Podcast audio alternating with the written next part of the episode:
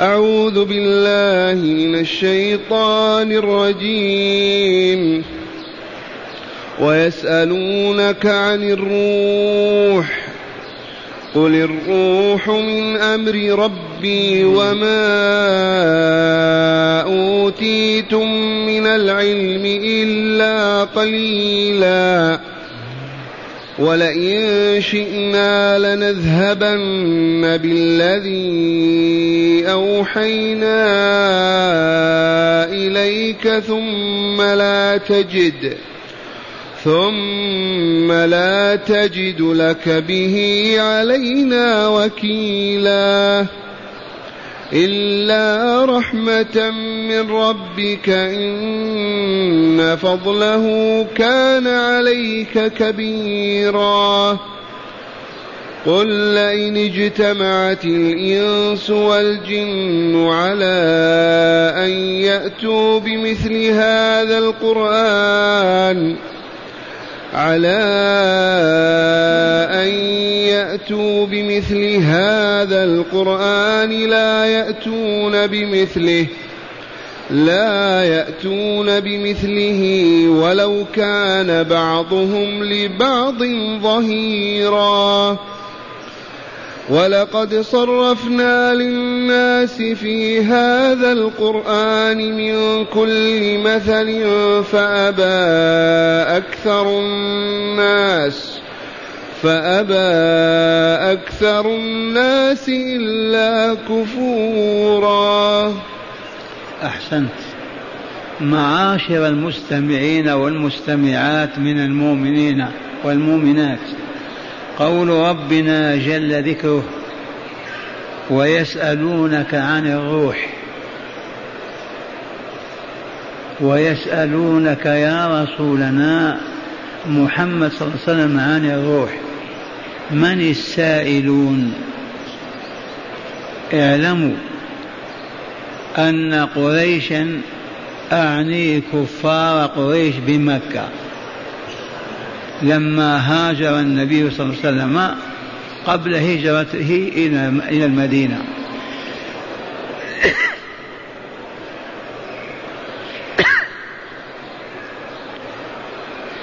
كونوا وفدا من شخصيتين كبيرتين النضر بن الحارث وعقبة بن أبي معيط. كونوا وفدا وبعثوا به إلى المدينة في ذلك الوقت إلى يثرب ما كانت تعرف المدينة. إلى يثرب.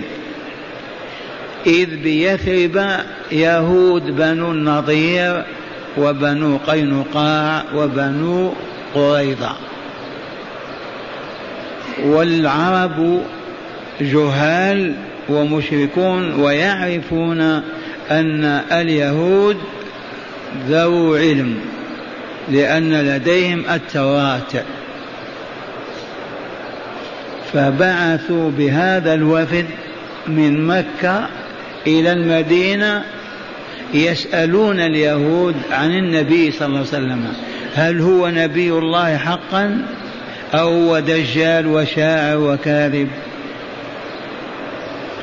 فقال لهم اليهود أعني علماؤهم. قالوا لهم اسألوه عن ثلاثة أمور. اسألوا محمدا صلى الله عليه وسلم عن ثلاثة أشياء. فإن أجاب عن اثنين وعجز عن ولم يجب عن الثالث فهو نبي من الأنبياء. وإن لم يجب عن هذه الأسئلة فروا رأيكم فيه. ما هو بنبي ولا رسول. مرة ثانية.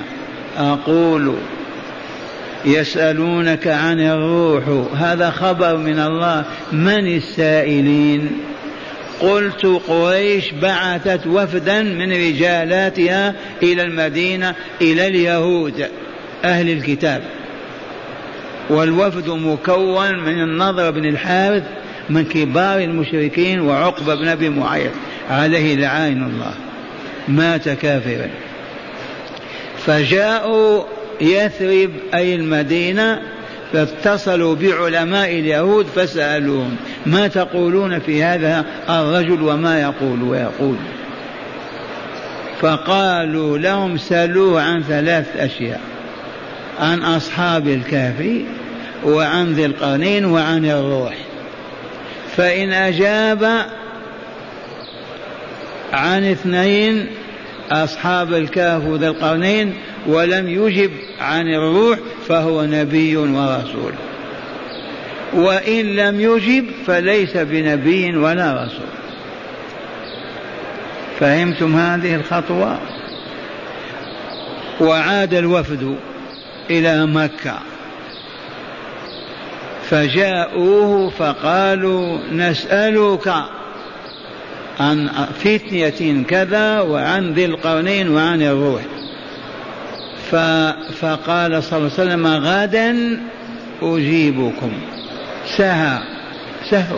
غلط. وجل من لا يسهو ولا يعلم قال غدا أجيبكم. ولم يقل إن شاء الله. فانقطع الوحي. اليوم الأول ما جاء شيء الثاني الثالث الرابع أسبوع. فأمسى رسول الله صلى الله عليه وسلم في كرب وحزن عظيم. وحتى أصبحت أم جميل العوراء مرت أبي جهل تغني. قل مذمما أبينا ودينه قلينا. أغنية. إذا وبعد نصف الشهر نزلت سورة والضحى واسمعوها بسم الله الرحمن الرحيم. والضحى والليل إذا سجى ما ودعك ربك وما قلى وللآخرة خير لك من الأولى ولسوف يعطيك ربك فترضى. ألم يجدك يتيما فآوى ووجدك ضالا فهدى ووجدك عائلا فأغنى فأما اليتيم فلا تقهر وأما السائل فلا تنهر وأما بنعمة ربك فحدث فزال الكرب والهم عن رسول الله صلى الله عليه وسلم ونزلت سورة الكهف وفيها بيان أصحاب الكهف أيما بيان. وفيها بيان ذي القرنين في آخر الصورة أيما بيان. والروح قل الروح من أمر ربي. ويسألونك عن الروح قل الروح من أمر ربي. هذا علم استأثر الله به. لم يطلع عليه أحدا. لا من الملائكة ولا من الإنس ولا من الجن. الروح كيف الروح؟ هذا التيار في داخل البدن إذا خرج مات الإنسان. ما هو؟ كيف هي؟ لا يعلم حقيقة الروح إلا الله. لا ملك مقرب ولا نبي مرسل ولا عالم علماء الإسلام وغيرهم استأثر الله بهذا العلم. لا يعلمه إلا هو. وكونه حجبه عن الخلق لحكم عالية ما ندركها. يسألونك عن الروح قل الروح من أمر ربي وما أوتيتم من العلم إلا قليلا. يا من بعثتم بهذه الأسئلة من المدينة ما أعطيتم من العلم إلا قليلا. إذا هذا معنى قول ربنا تعالى يسألونك عن الروح من السائلون؟ عرفناهم؟ قريش بعثت وفدها قل الروح من أمر ربي وما أوتيتم من العلم إلا قليلا. وفي سورة الكهف نزل قول الله تعالى ولا تقولن لشيء إني فاعل ذلك غدا إلا أن يشاء الله إلا أن تقول إن شاء الله. ومن ثم عوتب صلى الله عليه وسلم بانقطاع الوحي خمس عشر ليلة خمسة عشر يوما. لأنه قال غدا أجيبكم عن سؤالكم ولم يقل إن شاء الله. ومن تلك الساعة من ذلك الحدث الجلل ما قال رسول الله صلى الله عليه وسلم في شيء أفعله كذا غدا إلا قال إن شاء الله. ما قال في شيء مستقبلا إلا قال إن شاء الله. أسافر إن شاء الله. أحج إن شاء الله. أقدم لكم الطعام إن شاء الله. أنا مسافر إن شاء الله. كلمة إن شاء الله مع كل كلام مستقبل. وبقيت سنته في أمته فعلى كل عاقل منا أن يقول إن شاء الله إذا أخبر عن المستقبل إذ لا يملكه إلا الله. تقول أسافر تملك أن تسافر قد تموت. إذا قول إن شاء الله. أعطيكم كذا غدا تملك أنت قد تموت. أو ما تجد عطية. إذا قل إن شاء الله. ولا تقولن لشيء إني فاعل ذلك غدا إلا أن يشاء الله. أي إلا أن تقول إن شاء الله. عرفتم هذه؟ هذا معنى قوله تعالى وهو يخاطب رسوله صلى الله عليه وسلم يسألونك عن الروح قل الروح من أمر ربي وما أوتيت من العلم إلا قليلا. ثم قال له ولئن شئنا لنذهبن بالذي أوحينا إليك. ما لو شاء الله لمسح قلب رسوله من القرآن فوالله ما تبقى كلمة ولا آية. ولا مسحه من السطور المكتوبة أيضا ولم يبقى في سطر في ورقة أو أو كتاب. لكن أبى إلا أن يبقى كتابه في صدر رسوله ليبلغه ولتسعد البشرية إن هي آمنت واتقت وعملت بهذا الكتاب. وفي هذا كما علمتم تأديب من الله لرسوله صلى الله عليه وسلم. ولئن شئنا لنذهبن بالذي أوحينا إليك ثم لا تجد لك به علينا وكيلا. من يتولى أن يرد من الله ما منعه؟ مستحيل. لطيفة كلمة الروح تطلق على ملك من أعظم الملائكة لا أعظم منه قط واسمه الروح. واقرأوا يوم يوم يقوم الروح والملائكة صفا. يوم يقوم الروح والملائكة صفا. ثانيا جبريل يلقب بالروح عليه السلام. وأما الروح هنا في الآية فهي التي في صدورنا وأجسامنا. فهذه استأثر الله بعلمها فليس أحد كائن من كان أن يعرف حقيقة الروح كيف هي. ابدا لا إنس ولا جن. هذا معنى قول ربنا جل ذكره ويسألونك عن الروح أجبهم. قل الروح من أمر ربي وما أوتيت من العلم إلا قليلا. ولئن شئنا نحن رب العزة والجلال والكمال لنذهبن بالذي أوحينا إليك. يصبح وليس في قلبه آية ولا حرف. أليس الله بقادر على هذا؟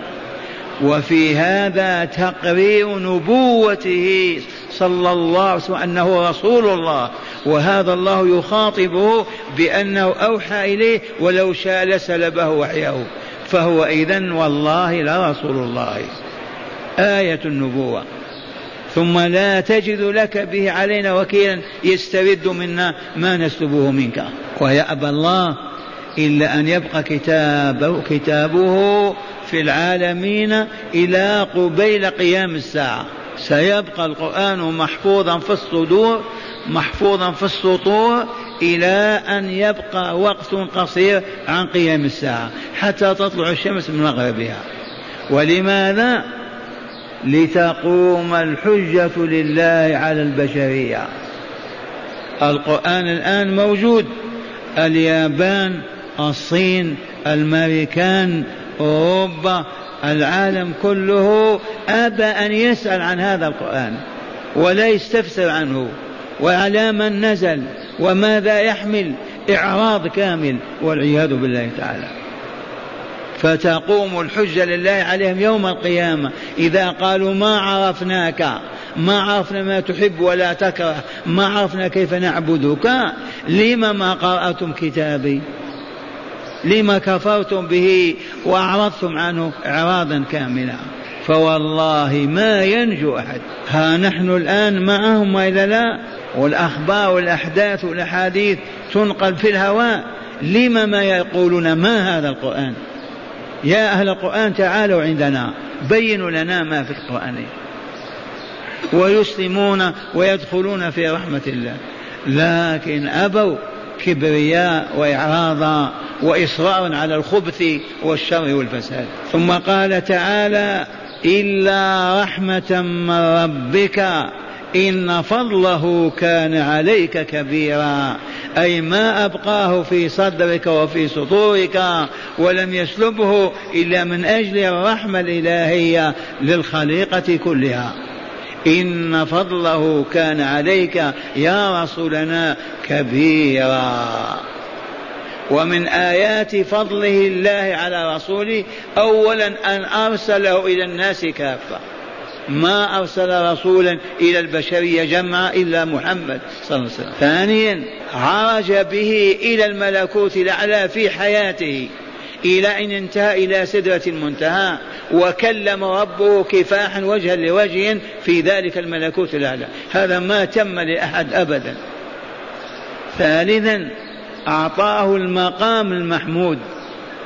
رابعا جمع له الأنبياء وصلى بهم في بيت المقدس قبل العروج إلى السماء. وكان فضل الله عليك يا رسولنا كبيرا وإلا لا.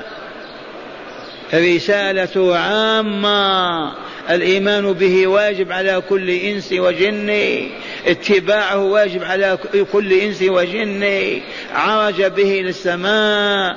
ماذا فعل؟ أعطاه أفضل عطاء يوم القيامة وهو المقام المحمود الذي يحمد عليه أهل الموقف أجمعون. الشفاعة العظمى. ثم قال تعالى قل لئن اجتمعت الإنس والجن على أن يأتوا بمثل هذا القرآن لا يأتون بمثله ولو كان بعضهم لبعض ظهيرا. قل يا رسولنا للذين قال لو شئنا لو شئنا لقلنا مثل ما يقول محمد. تبجح بهذا النظر بن الحارث وغيره. قال لو شئنا لقلنا ما يقول محمد. وقرأوا آية سورة الأنفال. وإذا تتلى قال لو نشاء لقلنا مثل ما يقول لو نشاء لقلنا مثل هذا الذي يقول. فقال تعالى مخبرا قل يا رسولنا لئن والله وعزة الله لئن اجتمعت الإنس والجن كلهم واتفقوا على ساحة واحدة أن يأتوا بمثل هذا القرآن والله لا يأتون بمثله. ولو كان بعضهم لبعض نصيرا وظهيرا ومعينا. ومن ثم إلى الآن ما استطاع العرب والإنس والجن أن يأتوا بشيء من القرآن. هذه الآية دلت على أنهم عاجزون عن الإتيان بمثل القرآن. وهناك آيات أخرى تقول عجزوا عن عشر صور. عشر صور فقط ما استطاعوا. وأخيرا بصورة واحدة.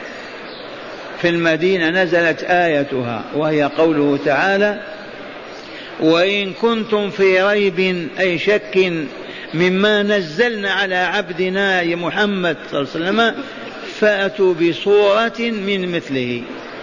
وادعوا شهداءكم من دون الله إن كنتم صادقين.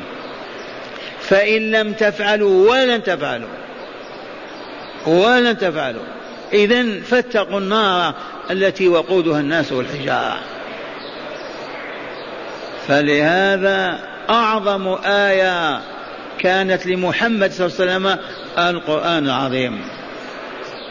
فلهذا من أراد أن يدخل الجنة دار السلام الباب مفتوح ومن أعرض أعرض الله عنه. يقرأ كتاب الله يسأل أهل العلم عن كتاب الله يعرفونه بما يحب الله وما يكره.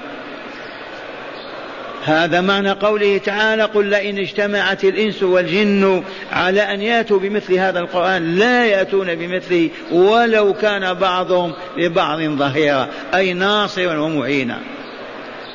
ثم قال تعالى ولقد صرفنا للناس في هذا القرآن من كل مثل.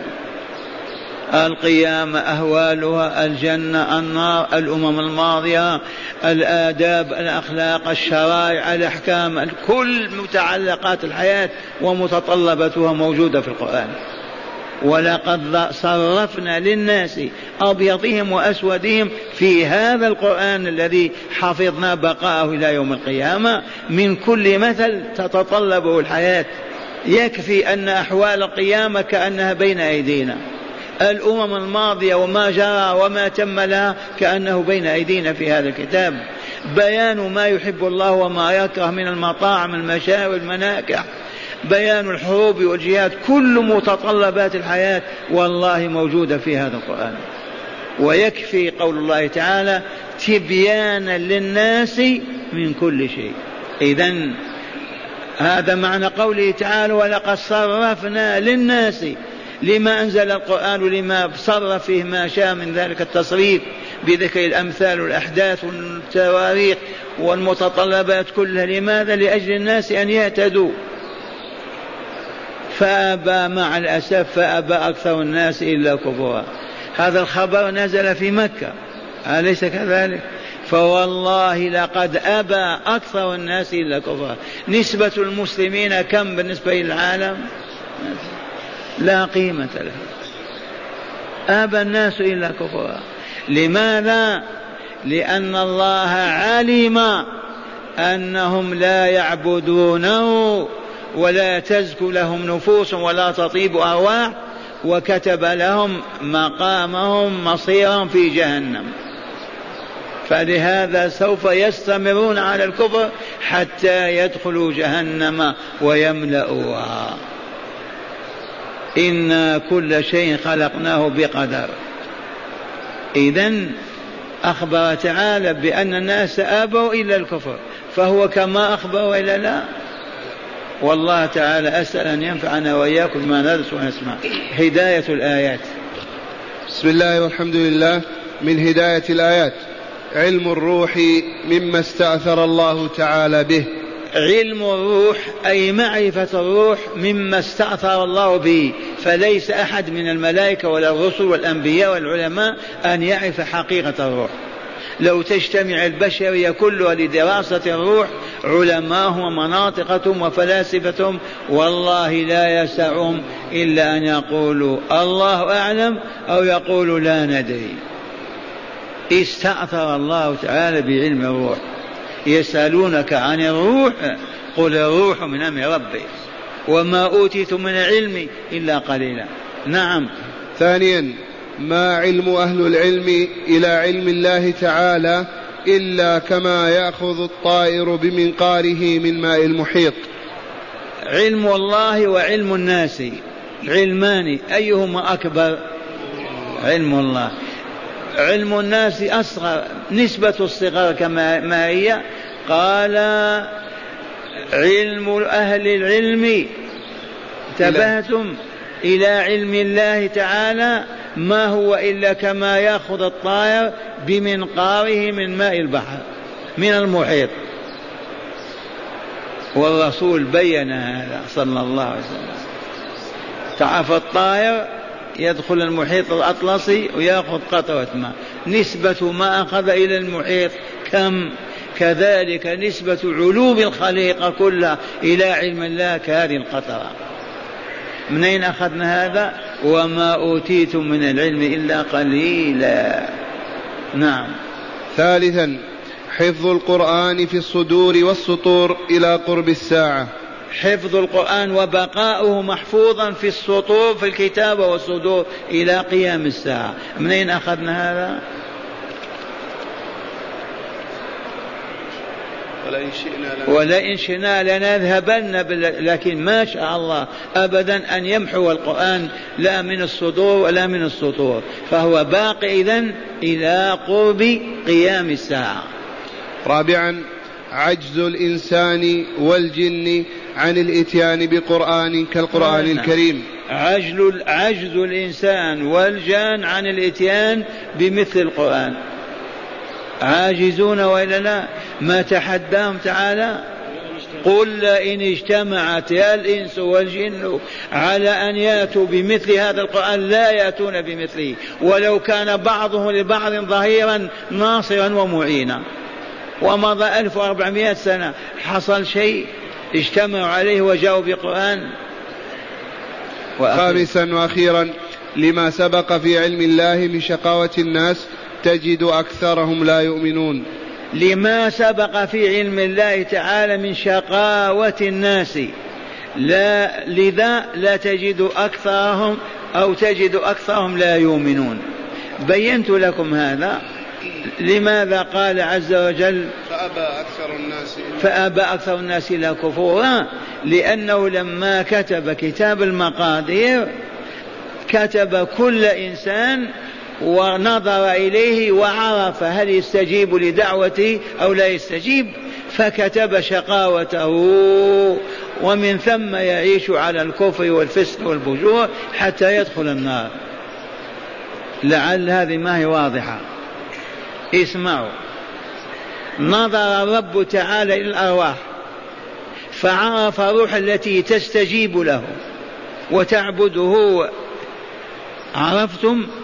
فكتب ذلك في كتاب المقادير. والروح التي عرف أنها لا تطيعه ولا تطيع الرسول ولا تستجيب كتب شقاوتها. ولنا مثل خذ في كفك بذر الحنظل وبذر وبذر آل الحبحب. قبل أن تبدو وقبل أن ينبت ما تعرف أن هذا مر وإلا لا؟ قبل أن يوجد. أنت عارف أنه مر وعرفت أن هذا حلو. فكذلك الرب تبارك وتعالى نظر إلى الأرواح وعرف من تطيع ومن لا تطيع فكتب ذلك. فمن ثم إذا جاء إلى الدنيا وخرج وكبر إن كان ممن كتب الله سعادتهم يؤمن ويستقيم وإن كان ممن كتب شقاوتهم يستمع على العناد والكفر والباطل. كما تشاهدون البشرية. بلايين البشر. ما سمعوا بالقرآن؟ والله سمعوا. لم ما يسألون عنه؟ أين يوجد؟ من يفهمه؟ لم ما يطلبونه؟ لأن الله كتب شقاوتهم فهم في غيهم وشركهم وباطلهم. بل ويحاربون القرآن وأهله. هل فهمتم هذه؟ افهموها. والآن مع الحج. كنا بالأمس مع الركن الأول الذي هو الإحرام وعرفنا المواقيت وعرفنا كيف نتجرد ونلبس الرداء والإزار ونكشف الرأس وننتعل النعال ونلبي لبيك اللهم لبيك إن كنت تريد العمرة قل لبيك اللهم لبيك عمرة وإن كنت تريد الحج فقط قل لبيك اللهم لبيك حجا وإن كنت تريد تجمع بينهما قل لبيك اللهم لبيك حجا وعمرة. وامشي. وقلنا لا تتركوا التلبية ولا تشتغلوا بالباطل واللهو. لما تدخل مكة تضع عفشك في مكان ما وتستريح إن كنت تعبا أو بك إعياء ثم بعد ذلك تتوضأ وتاتي المسجد الحرام. وإذا شاهدت البيت تأدب وادخل المسجد كما تدخل بيوت الله. بسم الله والحمد لله والصلاة والسلام على رسول الله. ثم تضطبع. لما تدخل المسجد خذ إزارك رداك أخرجه عن كتفك واجعله تحت الكتف واكشف عن عضدك. الحجاج الذين ما يعرفون من الآن يفعلون هذا. من ساعة ما يحرمون يكشفون عن أذرعتهم. هذا ما هو مشروع أبدا. فقط لما تدخل المسجد أخرج يدك هكذا عن رداك. سهل وإلا ما هو سهل؟ كان رداء هكذا. كذا ولا لا؟ أنت قل هكذا. لماذا هذا؟ له حكمة. لما تمت تلك لما تمت تلك المصالحة بين رسول الله ورجاله وبين المشركين لأنهم ذهبوا إلى العمرة في السنة السابعة في السنة السادسة فمنعوهم من دخول مكة وتحللوا وذبحوا الإبل والبقاء والغنم وعادوا والاتفاقية تسمح لهم العام المقبل. عام السابع يأتون مكة لكن بدون سلاح. فجاء رسول الله صلى الله عليه وسلم والمؤمنون في السنة السابعة بدون سلاح لأن الاتفاقية اتفاقة الصلح تقتضي هذا. فبلغ الرسول صلى الله عليه وسلم أن بعض المشركين على السطوح وعلى المنازل وأبواب بيوتهم يتحدثون يقولون أهلكتهم حمى المدينة حمى يثرب يبدو أنهم ضعاف مهازيل ممكن ننقض عليهم. فكروا هذا التفكير. فأعلن رسول الله للمؤمنين أن يضطبعوا ليروهم القوة في أيديهم. عرفتم سرها أخرج يدك. ثانيا لما تقول بسم الله وتبدأ طوافك ابدأ من حجر الأسود. هذا الحجر له شأنه من الجنة وهو يمين الله في الأرض الذي يقبله كأنما قبل يد الله عز وجل. ثم لما يأخذ في الطواف الأشواط الثلاثة الأولى يجب أن يهرول فيها كما يفعل العسكر لما يهرولون لماذا؟ لأن الرسول قال رحم الله امرأ أراهم اليوم من نفسه قوة. كشفوا عن أيديهم وهرولوا هذا دل على قدرتهم وإلا على مرضهم. على قدرتهم. رحم الله امرأ أراهم اليوم أي أرى المشركين من نفسه قوة وذلك بالاطباع وبالهرولة. ثلاث أشواط بعد ذلك امشي. وقد لا تتمكن الهوى في الزحام لكن فيما لو كان ما في زحام. ذي سنة. الكشف هذا لا بد ما في حيلة. لكن الهرولة إذا زحام كيف تهول؟ تسقط هذه السنة. فإذا طفت سبعة أشواط سن لك أن تصلي ركعتين نافلة بعد الطواف خلف مقام إبراهيم. مقام إبراهيم الحجر الذي كان إبراهيم يضعه عند جدار البيت ويواصل البناء ليرتفع.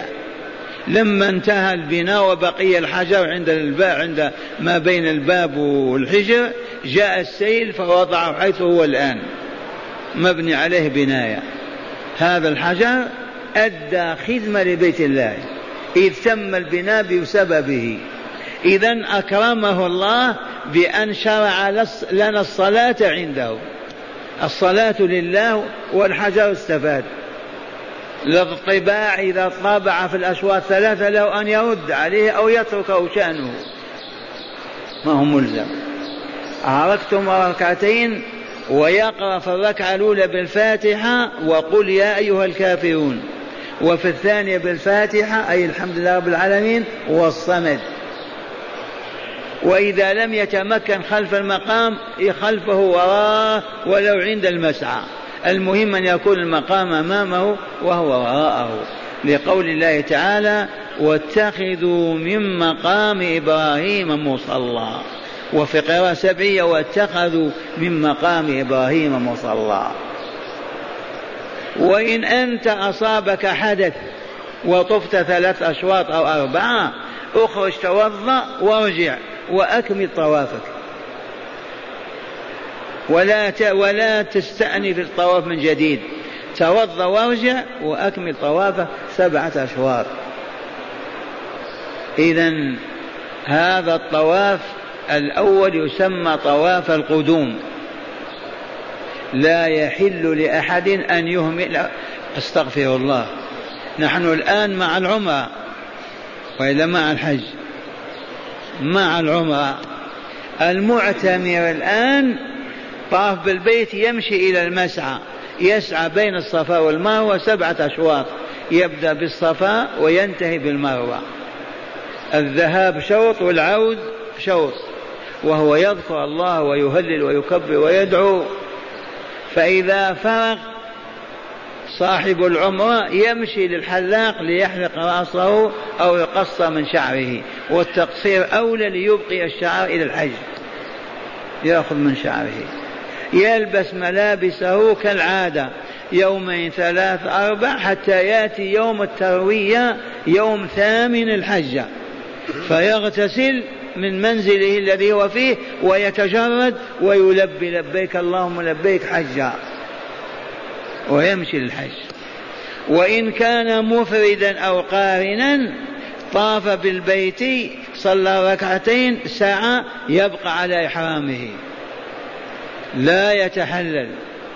يبقى على إحرامه. يذكر الله عز وجل ويحمده. حتى يأتي يوم ثمانية قبل الظهر يطلع إلى منى. واعلموا أن قص الشعر ليس معناه تأخذ شعرات من هنا أو من هنا هذا عبث ما هو قص. والله يقول وقوله الحق لتدخلن المسجد الحرام إن شاء الله آمنين محلقين رؤوسكم ومقصرين لا. فلا بد أن تقص من كل الشعر. ما يكفي شعيرات من وهنا كتحلة القسم. لا يجب أن تقصر من شعرك. والآن في مكاين خاصة بالحلاقة. هذا الركن هو ركن الحج وركن العمرة الطواف. نعم. والمرأة إذا طافت وسعت كيف تصنع؟ تحلق رأسها؟ لا والله. أعوذ بالله. ماذا تصنع؟ تقص من شعرها. تجمع شعرها كامل وتأخذ منه قدر أنملة الأصبع بمقص. تجمع شعرها هكذا وتأخذ منه قدر أنملة وهذا قص للشعر واجب. من تركه وجب عليه دام من ترك القصر أو الحلق وجب عليه دام فإن عجز ما وجد الدينار ولا الدرهم يصوم عشرة أيام. في بلاده أو في أي مكان. فهمتم هذه؟ بعد الطواف سبعة أشواط القصر أو أو الحلق. فهذا القصر وهذا الحلق واجب من واجبات العمرة وواجبات الحج. من تركه ولم يفعله وجب عليه دام شاة يذبحها في مكة. ما استطاع يصوم عشرة أيام مقابل هذا الخطأ الذي ارتكبه. ثم لما نبقى في مكة ننتظر الحج. المحرمون بالحج يبقون يلبون ويعبدون الله. والذين تحللوا ليس معنى هذا التحلل أنهم يجلسون في المقاهي ويدخنون ويغتابون وينممون ويتكلمون بالباطل. لا أبدا. يجب أن يبقوا كأنهم في الصلاة. لا يتكلم إلا للحاجة والضرورة. والأوقات كلها ذكر الله عز وجل والدعاء وقراءة القرآن وما إلى ذلك. المعصية في المسجد الحرام في مكة اسمعوا ما يقول الله تعالى فيها ومن يرد فيه بإلحاد ميل بظلم نذقه من عذاب. مجرد إرادة فقط. يخطر ببالك أن تفعل ولو لم تفعل. فلهذا لا زنا ولا خمر ولا سرقة ولا كذب ولا غش ولا خداع ولا كبر ولا باطل ولا سوء أبدا. لأنكم تدرون أنتم فين؟ في بلد ربكم في بلده. كيف تنزل بيت سيدك ثم تعصيه فيه؟ يعقل هذا كلام تستضيف رجل في بيتك بعد يخونك وترضى عنه هذا ما نقبله. كيف يقبله الله عز وجل؟ ولهذا يقول تعالى ومن يرد فيه أي في الحرم بإلحاد بظلم نذقه من عذاب أليم. في الدنيا وفي الآخرة. أحد الإخوان يقول بعض الحجاج يسبلون أيديهم في الصلاة ما يضعون على صدورهم. هؤلاء مقلدون. وأن نعلمهم بثقة وطمأنينة. والله تعالى أقسم وبه أقسم أن الرسول صلى الله عليه وسلم ما كان إلا يضع يديه على صدره وهي سنة رسول الله صلى الله عليه وسلم. ولا ينبغي لمؤمن ولا مؤمن أن يخالف رسول الله تقليدا لفلان وفلان. لقد صحت السنة في الموطأ موطأ مالك أن الرسول صلى الله عليه وسلم كان يضع يديه على صدره. وقال إن مما أدرك الناس من كلام النبوة الأولى إذا لم تستحي فاصنع ما شئت ووضع اليمين على اليسار فوق الصدر في الصلاة. ذي موطأ مالك. لكن بعض المذاهب قلدوا علماءهم فوقعوا في هذا الغلطة. ولا نقبلها أبدا. ضع يديك على صدرك خاشعا خاضعا. ثم بعض الحجاج يرغبون في أن يبقوا ثمانية أيام في المدينة. لذلك الحديث الضعيف من صلى في مسجد أربعين صلاة لا تفوته صلاة كتب الله له براءة من النفاق وبراءة من العذاب. هذا الحديث لو صح لكانت نعمة عظمى لكنه ليس بصحيح ومع هذا مقبول. من استطاع أن يبقى في المدينة ثمانية أيام فليبقى. لكن إذا لم يستطع لا تقول آه كيف أخرج من مدينة وما أقامت بها ثمانية أيام وأنا زاير اعلموا أن زيارتنا للمدينة أي للمسجد النبوي تتم بصلاة ركعتين في المسجد النبوي. ثم بالوقوف على قبر رسول الله وصاحبيه وتقول السلام عليك يا رسول الله ورحمة الله وبركاته. السلام عليك أبا بكر الصديق ورحمة الله السلام عليك عمر ورحمة الله وبركاته وسافر. والله لقد تمت زيارته. ولا تطالب بثلاثة أيام ولا بأربع ولا بأسبوع أبدا. الزيارة تتم بدخولك المسجد النبوي وصلاتك ركعتين فيه لله نافلة ثم تأتي إلى القبر الشريف وتسلم عليه وعلى صاحبيه وإن شئت تنصرف انصرف. أما البقاء في المدينة من استطاع أن يموت بها فليمت بها. هكذا يقول الرسول صلى الله عليه وسلم. من استطاع منكم أن يموت بالمدينة فليمت بها فإني أكون له شاهدا أو شفيعا يوم القيامة. وعمر طمع في هذا وتعجبت منه ابنته أمنا حفصة. كيف تسأل هذا يا عمر والجهاد في بلاد فارس والروم؟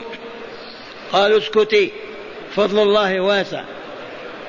وأعطاه الله ما سأله. فوالله في محرابه يصلي بالمؤمنين جاء مجوسي وطعنه بحربته وقتله فجمع الله له بين الشهادة والموت في المدينة. هو كان يقول اللهم إني أسألك شهادة في سبيلك وموتا في بلد رسولك. فتعجب منه ابنته كيف تسأل الشهادة في المدينة؟ انتهت شهادة في المدينة. قال اسكتي فضل الله واسع وإلا لا؟ وكتب الله له الشهادة في المدينة قتله مجوسي كافر. كان عبدا لبعض الصحابة وهو مجوسي وكان موصى بحزب خاص تكون لضرب الإسلام في بلاد فارس ونفذ المهمة وهو إلى جهنم. والمؤمنات زيارة النساء كما قلت لكم تدخل المسجد النبوي وتصلي ركعتين تمت زيارتها. ما هي مطالب بأن تأتي القبور وتسلم على أهلها ما سن لنا الله أن تزور النساء أن يزور نساؤنا القبور. لأنهن ضعيفات رقيقات القلوب. ما نحملها على أن تقف أمام ميت فتبكي وتحزن. رحمة الله بها. فيكفي المؤمن أن تصلي في المسجد النبوي وعند الدخول. بسم الله والحمد لله والصلاة والسلام على رسول الله صلى الله عليه وسلم.